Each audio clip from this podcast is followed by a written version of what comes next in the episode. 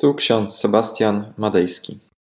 Dzisiaj jest 4 lutego, sobota, 2023 rok.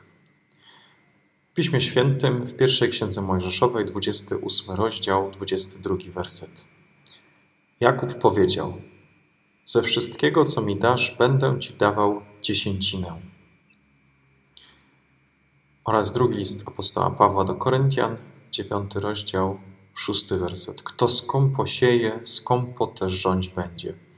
A kto sieje obficie, obficie też rządź będzie. Drodzy, wiadomo od zawsze, że pieniądze są tematem, który wzbudza największe emocje i kontrowersje.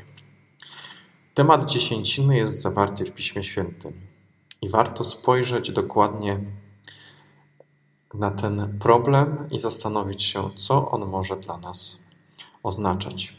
Niektórzy chrześcijanie twierdzą, że dziesięcina nie jest tematem, który powinien obowiązywać chrześcijan, ponieważ przepisy dotyczące dziesięciny znajdujemy w Starym Testamencie. Jednak jeszcze przed nadaniem prawa Mojżeszowi Abraham złożył dziesięcinę w dowód wdzięczności i uwielbienia samego Boga Najwyższego.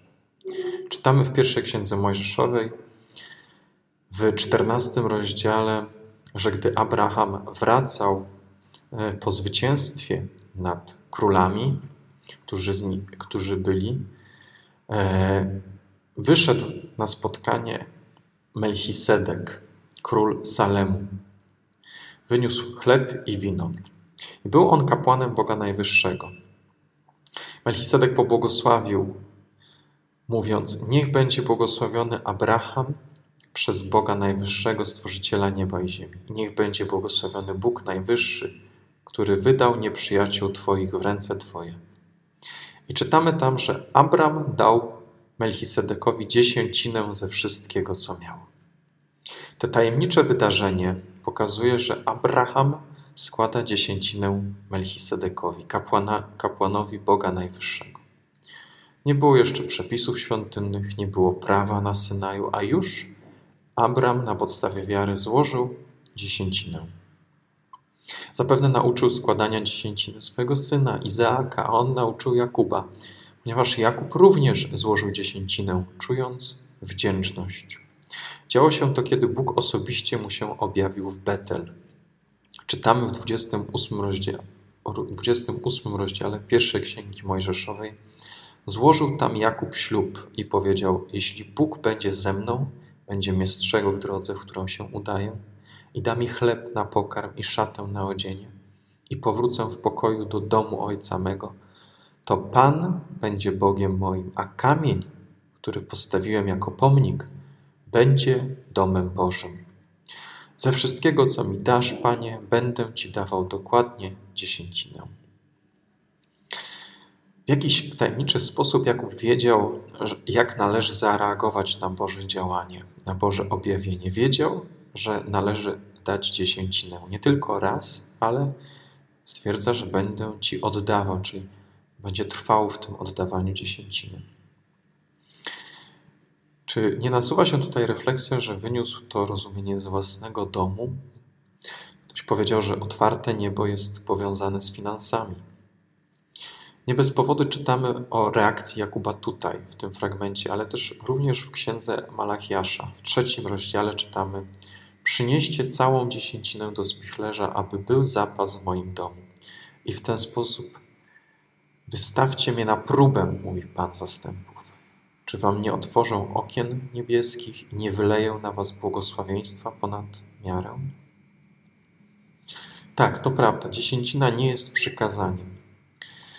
Ale modlitwa też nie jest przykazaniem. Nie znajdujemy jej ani w dekalogu, ani w Nowym Testamencie jakiegoś przykazania dotyczącego tego, abyśmy się modlili.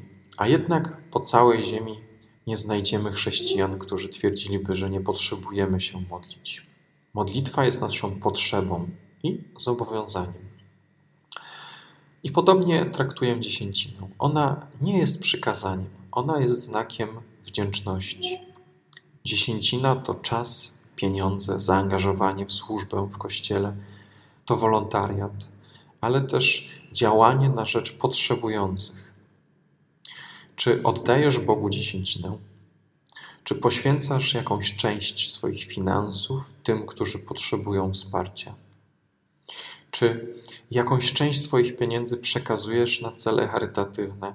Nie musi to być 10%, nie musi to być jedna dziesiąta, ale choćby odrobinę. A może chcesz przekazać jakąś część swojego czasu, swoich pieniędzy dla tych, którzy tego potrzebują? Może warto zacząć to robić, jednocześnie modląc się w ten sposób. Panie Boże, to co mam na tym świecie, otrzymuję tylko i wyłącznie dzięki Twojej łasce. Pragnę, Panie, Tobie okazać wdzięczność i dziękczynienie za to wszystko, co mam. Spraw, Panie, użyj mnie i moich środków, abym mógł komuś pomóc. Przez czas, pieniądze, moje zaangażowanie, moją służbę. Daj mi, Panie, znak w najbliższym czasie, w jaki sposób mogę dać innym część siebie, część tego, co otrzymuję od Ciebie. Amen. A pokój Boży, który przewyższa wszelki rozum, tak niechaj strzeże serc naszych i myśli naszych w Panu naszym Jezusie Chrystusie ku żywotowi wiecznemu. Amen.